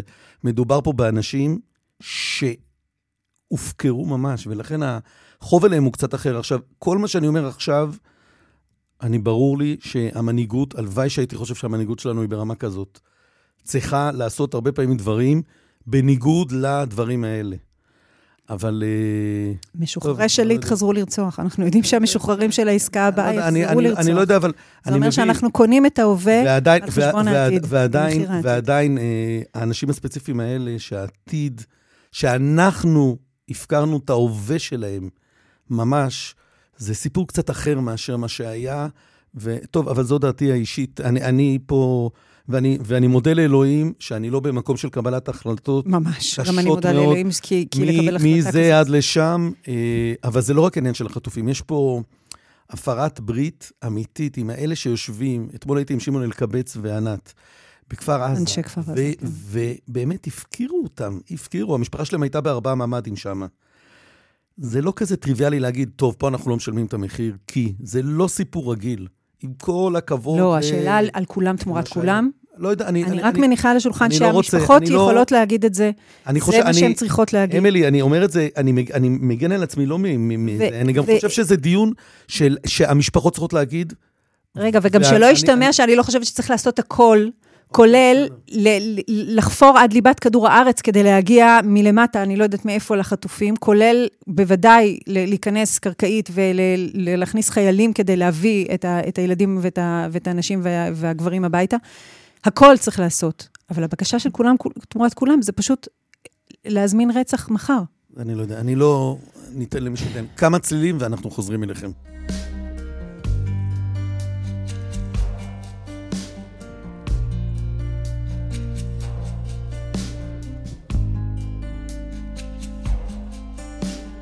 אנא אדון כל הבריות, ענני כי אני אליך עיני תלויות. אנא בורני בשפתיים, ענני כי אני אליך שיטחתי כפיים. אנא גיבור ונורא, ענני כי אני אליך אקרא. אנא דובר צדקות, ענני כי אני אליך אשפוך צעקות.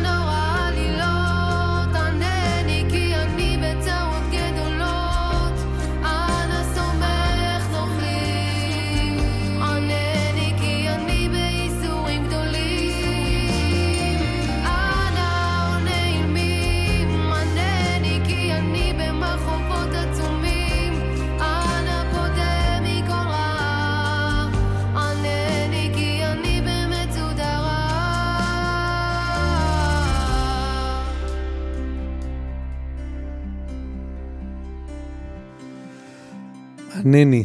כן, מתישהו תגיע אלינו התשובה, ונמצא איתנו עכשיו...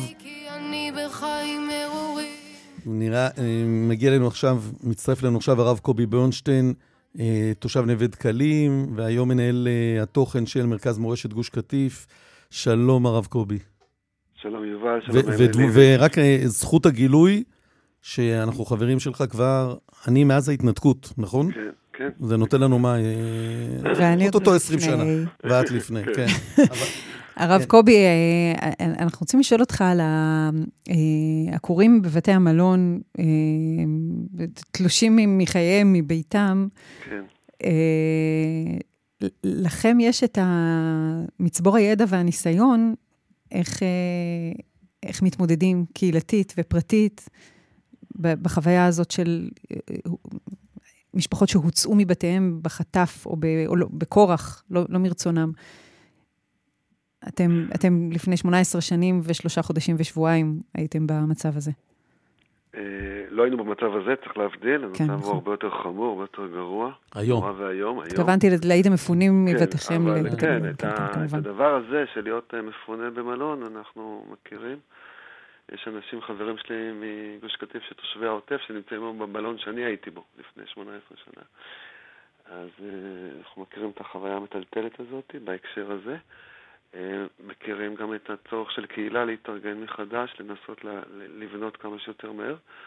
אנחנו בהחלט uh, מנסים להביא את כל הידע שיש לנו. אנחנו במרכז מורשת גוש קטיף, יש לנו גם את הידע וגם את המחקרים שנעשו עם כל מיני מסקנות. אז בוא, בוא שתף אותנו בכמה מסקנות. במסקנות. כן.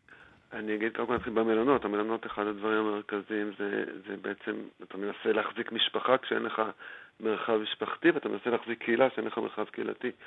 והוצאנו דף של כאילו עצות לאיך בכל זאת אפשר במלון לנסות אה, להרגיש, להחזיר את האחריות ההורית ולהחזיר את ההתנהלות של משפחה.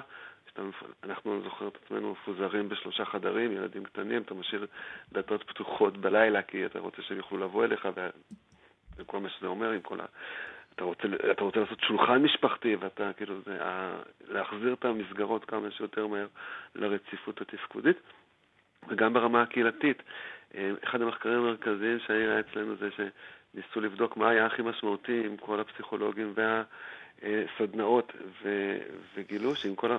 באמת שהם תרמו המון, אבל הדבר הכי חשוב שהיה לאנשים, לצורך העניין לבני הנוער, זה לפגוש את הרכז נוער שלהם לקהילה. זאת אומרת, הרצף התפקודי של, של המסגרות הקיימות הוא חלק מזה שמחזירים את העוגן, ולתת לזה מקום ולתת לזה משקל אה, לקהילתיות, גם, גם, בטח ביישובים הקהילתיים, אבל גם בערים, בשכונות, בכל מיני דברים כאלה, יש לזה מסגרת מאוד מאוד גדולה.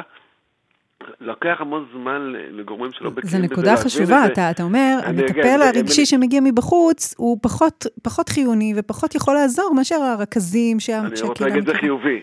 הוא גם מאוד חשוב, הם עושים עבודת קודש, אבל להשקיע, להחזיר מהר את המערכות הקהילתיות זה מאוד חשוב. אל, אלה פשוט אני... שני, קובי, אלה פשוט שני תפקידים שונים, כי כן. בהרבה מאוד מובנים לאדם החיצוני יש חשיבות גדולה, דווקא בגלל שהוא חיצוני ולא חלק מהקהילה, ואני לא חייב להחזיק את המסכה על פניי.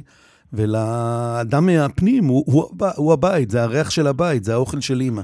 ולתת כוח להנהגה לחזור לעצמה ולתפקד ולהפעיל את המערכות שלה, זה מאוד חשוב.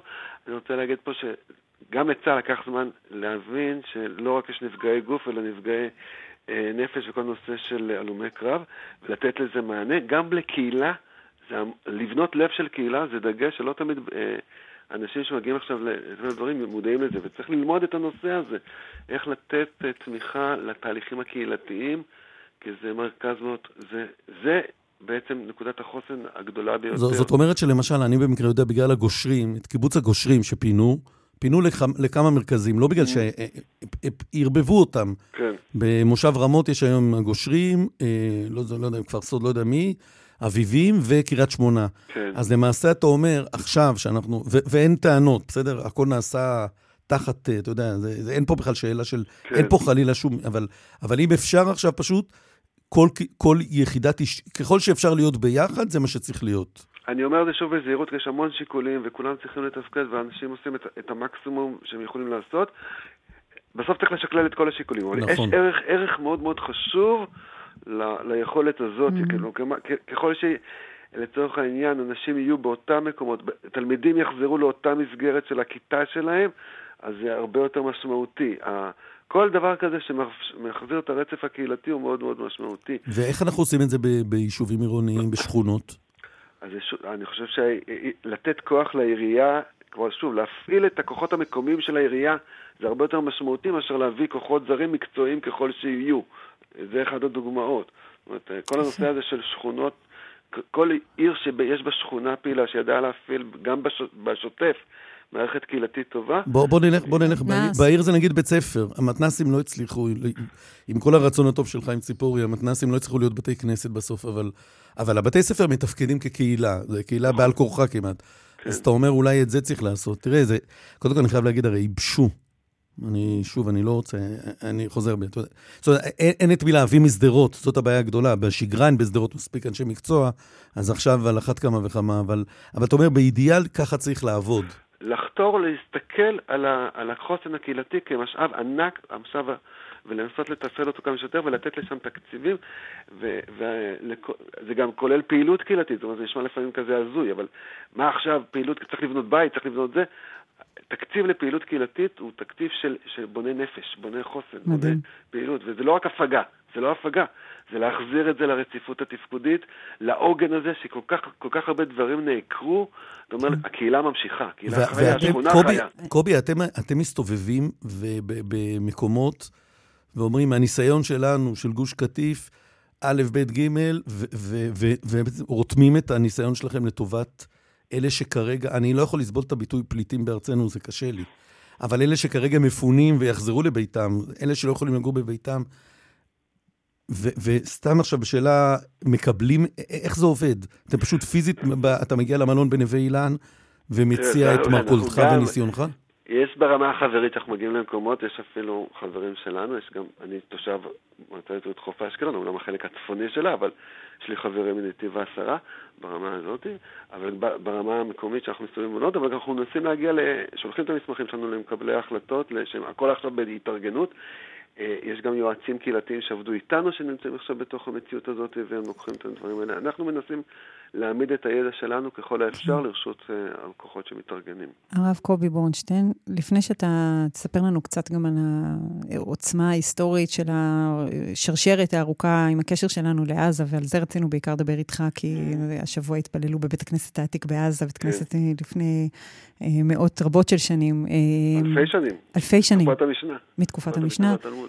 רק שאלה אחת קטנה, כאילו, ה-18 שנים ושלושה חודשים ושבועיים, אה, אצלי כל הזמן מבזיקות התמונות של, ה, של הגוש החי, לא הגוש המת, לא של החורבן. ו...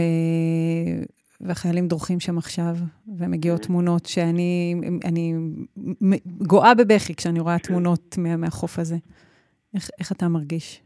אותו דבר, הלב הומה, הלב הומה, מתרגש. מתגעגע, אה, התפילה שאתה מזהה את חלק מהמקומות, אתה מנסה לזהות חלק מהמקומות. יש לנו סיפור ארוך עם עזה. אז זהו, אז בואו עכשיו נחזור לספר את הסיפור הארוך עם עזה. מה הסיפור שלנו עם עזה ההיסטורית? אה, אפשר להגיד שהוא מתחיל אפילו מהאבות, כאילו בהיסטוריה אפשר לנסות לזהות גיאוגרפית את גרר חלק מהזיגויים, הפרשות השבוע של עכשיו, אברהם נכון. ויצחק, בארות, הבארות. שזה גם סכסוך אבל גם הסכם שלום, צריך לזכור. הסכם אברהם זה הסכם של באר שבע על נחל גרר. ונחל גרר, איפה הוא נמצא? לפי חלק מהדעות, המסיבה הייתה על הבארות. תבין את ה... ברעים. בחניון רעים, חלק מהתפיסה זה שם, זה האזור. זה אוקיי. האזור שאברהם מחפש חיים ובאים לסתום את החיים. ואנחנו ניכנס לעומק הרצועה, כן? אנחנו במחנות פליטים, מה היה לנו שם?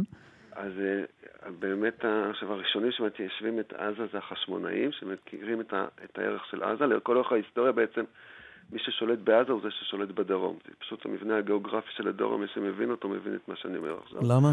זה הפינה, כי, פינה, כי עזה כניסה... היא גם השער הדרומי לארץ אה, ישראל. אה, אתה, אתה מדבר במובן הזה, כי זה הרי פלטה, אלה, בניגוד נגיד ליהודה ושומרון, אין לה שום חשיבות כאילו טופוגרפית על האזור. לא, לא טופוגרפית, אבל היא השער, לכן כל המלחמות שמתחילות מהדרום מתחילות דרך עזה.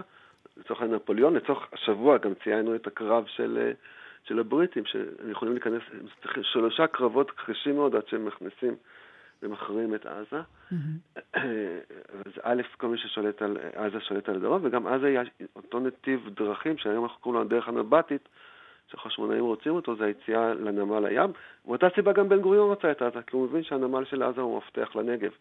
שיישובי י"א אה, הנקודות מתיישבים, מבחינתם זה גם חבל עזה, כפר דרום הוא חלק מי"א הנקודות, אין אז רצועת עזה, אין מושג כזה לפני תש"ח. עזה היא חלק טבעי מהנגב המערבי, והיא היא בעצם ה... חלק מהטופוגרפיה זה, אז נחזור להיסטוריה, החשמונאים מתייש... אה, מתיישבים בעזה, ומאז כן. יש לנו בעצם רצף מאוד מאוד ארוך של התיישבות יהודית בהמון המון נקודות. הבית כנסת של אמילי הזכירה, זה בית כנסת ענק, גדול, עם פסיפס מדהים של דוד המלך, פסיפס נדיר ביבוא, התפללו שם יהודים בתקופת המשנה והתלמוד, זה בערך לפני 1,800 שנה, 1,700 שנה. אה, כן. כנראה צה"ל חזר להיות בדיוק במקום הזה, המקום שבו כבר הבית כנסת העתיק בעזה. אה, לאורך השנים אנחנו מכירים את רבי ישראל נג'ארה, כל מי שבשבת ישירו את הפיוטים, מי שישיר את הפיוטים יהיה ריבון עולם, החיילים שישירו את הפיוטים האלה, הם ישאירו את זה במקום שהסתובב. מחבר הפיוט הזה, רבי ישראל נג'ארה, שהיה הרב של עזה. היה הרב של עזה, גר כן. בעזה. כן. הרב קובי. וגם מההיסטוריה כן. הציונית, באופן טבעי, עד, עד תש"ח, עם כל השינוי שקרה בתש"ח, תפסה את עזה כחלק מארץ ישראל. ופעלה שם. כן. קהילה יהודית שהייתה בעזה ונחרבה כמה פעמים. הקהילה היהודית שבעזה קיבלה חיזוק בהתחלת הציונות, היא, נחר... היא לא נחרבה, היא הובלטה בתרפ"ט, אה, אבל מיד אחרי זה המשיכו את הניסיונות להיות שם דרך כפר דרום, שהוקם כחלק מי"א הנקודות. אה, החזיק מעמד בקרב גבורה מאוד גדול של מצור מאוד ארוך, עד שהוא קיבל את פקודה לסגת. ומאז בעצם עזה השתנתה בעקבות, בעיקר בעקבות... הפליטים. Uh, הפליטים, בדיוק. עזה היא לא נורמלית, אני חושב שלעזה היא לא נורמלית, בגלל שהפליטים שהגיעו מתל אביב ודרומה אחרי מלחמת הסיבוב, אני רוצה להגיד עוד משהו. לא, לא מתל אביב אגב, הגיעו, אבל בסדר. הגיעו, הפליטים שהגיעו מישראל, מתוך ארץ ישראל, שזזו, זה, כן, זה כן, הדבר השני. הציר, הציר כן. התנועה המרכזי שלהם מגיעים לעזה. הציר שיוריד לעזה, ולכן יש היום 2.3 מיליון כן. שם. אבל נתון מאוד מעניין שמדינת ישראל, כלומר, קודם כל זה סירוב ראשון, סירוב של האוכלוסייה הערבית לקבל את החלטת האו"ם מייצר תוקפנות ערבית שמייצרת את, ה, את הפליטות הזאת. שנה אחרי מלחמת השחרור, ממשלת ישראל יושבת לדיון מרתק, האם היא רוצה לקבל את, כבר זה, זה פעם ראשונה שמושג הביטוי הזה, רצועת עזה, על כל האוכלוסייה הערבית שיש שם, אה, שרת מאוד מאוד נבהל ומתנגד, בן גוריון אומר להפך, אנחנו נקבל אותם וכך ניתן מענה לבעיית הפליטים, נכיל בתוכנו את הפליטים. ועזה היא מאוד מאוד חשובה, כי היא אסטרטגית, היא שולטת, היא, יש בה חבלי ארץ שאפשר להתיישב בה, היא פורייה. אה, זלמן שזר, שר, שר החינוך של אותו, זה אומר, גם היא שלנו, יש לנו היסטוריה שם, ודאי שניקח אותה. ממשלת ישראל רוצה לקבל את חבל עזה. הציבור הערבי אומר שוב פעם לא, ומאז מתחיל טרור מעזה. טרור מעזה מתחיל מ-48. אנחנו זוכרים, הרי כל המאה ואחת, לא, לא נעצור פה. כן. הרב קובי, ידידנו. תושב נווה דקלים. יישר כוח על הפעילות שלך עכשיו, ועל, בכלל, על כל מה שאתה עושה. שנוכל לעזור, ובאמת שכל החברים. והלוואי שיקשיבו לך המארגנים, כי באמת האלמנט הזה של... כולם בכוונות טובות, נכון, וכולם מגויסים נכון, לעזור לכל מי שנמצא עכשיו במקומות ה... תודה, תודה רבה לך, מאחל לכולם שהקהילות יחזרו, קהילות חזקות, משגשגות. ואולי גם הקהילות שלכם. זה כשעם ישראל יחליט, לא מדברים על זה עכשיו. לא מדברים על זה עכשיו. יפה, הרב קובי. תודה רבה. תודה, איש גדול. תודה, הרב קובי, ונמצא איתנו... אה, תודה אה, לכם. להתראות. אנחנו לקראת האייטם הבא שלנו, נמצא איתנו אה, רב סרן עוזאל ותיק, שהוא מפיקוד העורף, אבל היום אנחנו רוצים לדבר ממש בקצרה על מה שקורה בבתי האבות בקשישים, כי אתה הסתובבת שם. כן, אז אנחנו באמת כבר ככה 35 ימים לתוך המלחמה, ויש הרבה אנשים שמגויסים ופועלים גם בחזית וגם בעורף, וזה מצוין ומבורך. אה, ואני ככה היום רוצה לפנות דווקא לאלה שבבית, וקצת אה, פחות יכולים לעזור אה, ברמה המאוד גדולה, אבל כן יכולים לפקוח עיניים רגע ולהסתכל סביב על האנשים שמאוד מאוד זקוקים לזה. וכמו שאמרת, יובל, ביקרתי ככה בכמה בתי אבות. אמ, עכשיו, בבתי אבות יש הרבה אנשים מבוגרים מטבע הדברים, ולא כולם יכולים להגיע אה, תוך פרק הזמן מרגע האזעקה למרחב אה, מוגן. אה, או שהוא קטן מדי, או שקשה באמת ללכת לשם. אז השאלה מה עושים. אז ראיתי ככה כאלה שכבר פיתחו קצת אדישות ואמרו, נו, אנחנו לא יכולים להגיע, אנחנו נשארים לשבת בלובי בספסלים. אז במקרה הזה למשל, ביקשתי מהצוות, אמרתי להם, בואו פשוט נזיז את הספסלים למקום יותר פנימי, למסדרון יותר פנימי, שבמידה ותהיה איזושהי נפילה או פגיעת עדף שם או משהו כזה, אנחנו נשמור על אותם אה, אנשים מבוגרים מהרסיסים ומהזכוכיות. אה, אז זה ככה איזושהי דוגמה אחת. אה, דוגמה שנייה, אנשים באו אליי מודאגים, אמרו, אנחנו לוקחים כדורי שינה בלילה כי קשה לנו לישון, ואנחנו לא שומעים את האזעקה. אז אנחנו מאוד לחוצים, אנחנו מפחדים לפני שאנחנו הולכים לישון, האם אנחנו נשמע את האזעקה ומה יקרה, ואנחנו אה, אה, לא, לא יכולים ללכת למרחב המוגן. אז ככה, במקרה הזה ביקשתי פשוט מהצוותים לעבור חדר-חדר ולראות, יש מקומות שבהם המיטות נמצאות במקום שהוא בסדר, ואז אפשר גם להרגיע את אותו אדם מבוגר ולהגיד, אתה לא ליד החלון הגדול, אתה נמצא כן באיזשהו חדר שהוא פנימי וזה בסדר, ויש מקומות שבהם פשוט צריך להזיז את המיטה לאותו, לאותו חדר פנימי. וגם נגיד דבר אחרון, עוזל, שבמקרים גם, יש יותר לאנשים מבוגרים, וכולנו מטופלים באנשים כאלה, הסכנה של לקום בבהלה ולרוץ וליפול ולגרום, היא גדולה המונים, ולכן... אה, ממה שאנחנו לצערנו אספנו נתונים כבר במשך 20 שנה, מוטב לקחת את הכדור שהם רגילים גם כך לקחת ולהישאר לישון. אה, אולי זה נשמע לא נעים, אבל הסיכויים יותר קטנים להיפגע. מילה אחרונה שלך. בדיוק, אבל בשביל זה אני אומר, אנחנו צריכים להיערך לזה מראש, ופשוט לשים את המיטה או את הכיסא או מה שזה לא יהיה, במקום שמראש הוא מקום יותר בטוח, יותר פנימי. עוזל ותיק, הזמן שלנו ממש קצר, תודה. אה, אנחנו רוצים בהקשר הזה לשאול באמת, כן. מה עם הסבים והסבתות? המוחזקים מתחת לאדמה, רשימה ארוכה של בני 70 ו-80 אה, שמתמודדים בהתמודדות אה, כנראה אחרת לגמרי עם, עם ה... החזקה שלהם במרתפי אה, השטן ברצועת עזה. בוקר טוב לך, רינה רביב. בוקר טוב. את יועצת ארגונית ואת בת 81 בעצמך, ויכולה לדמיין לנו ועבורך אמ, אה, איך הזקנה אה, מתבטאת כשמדובר בחטופים.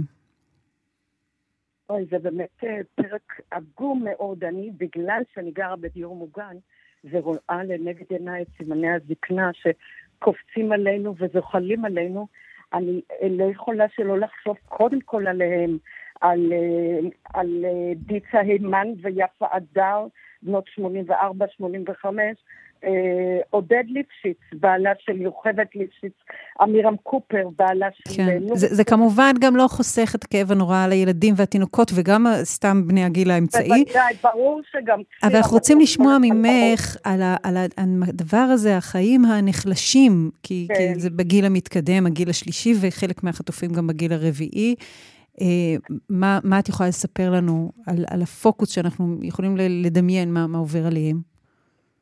קודם כל בגיל הזה יש היחלשות, אה, היחלשות של כל, ה, כל היכולות וכל הקפסיטי שבן אדם במהלך השנים חושב שהוא יכול לסמוך עליהם, בגיל המבוגר זה הולך ונחלש, ופתאום אה, יום אחד הוא מבין שעצם הקימה מהמיטה היא קשה. ואז צריך אה, איזושהי נשענת, יד שרה. איזה, באיזה מנהרה יש משענת לחטופים שלנו כדי להיעזר לקום מהמזרון המעופש הזה שהם שוכבים עליו.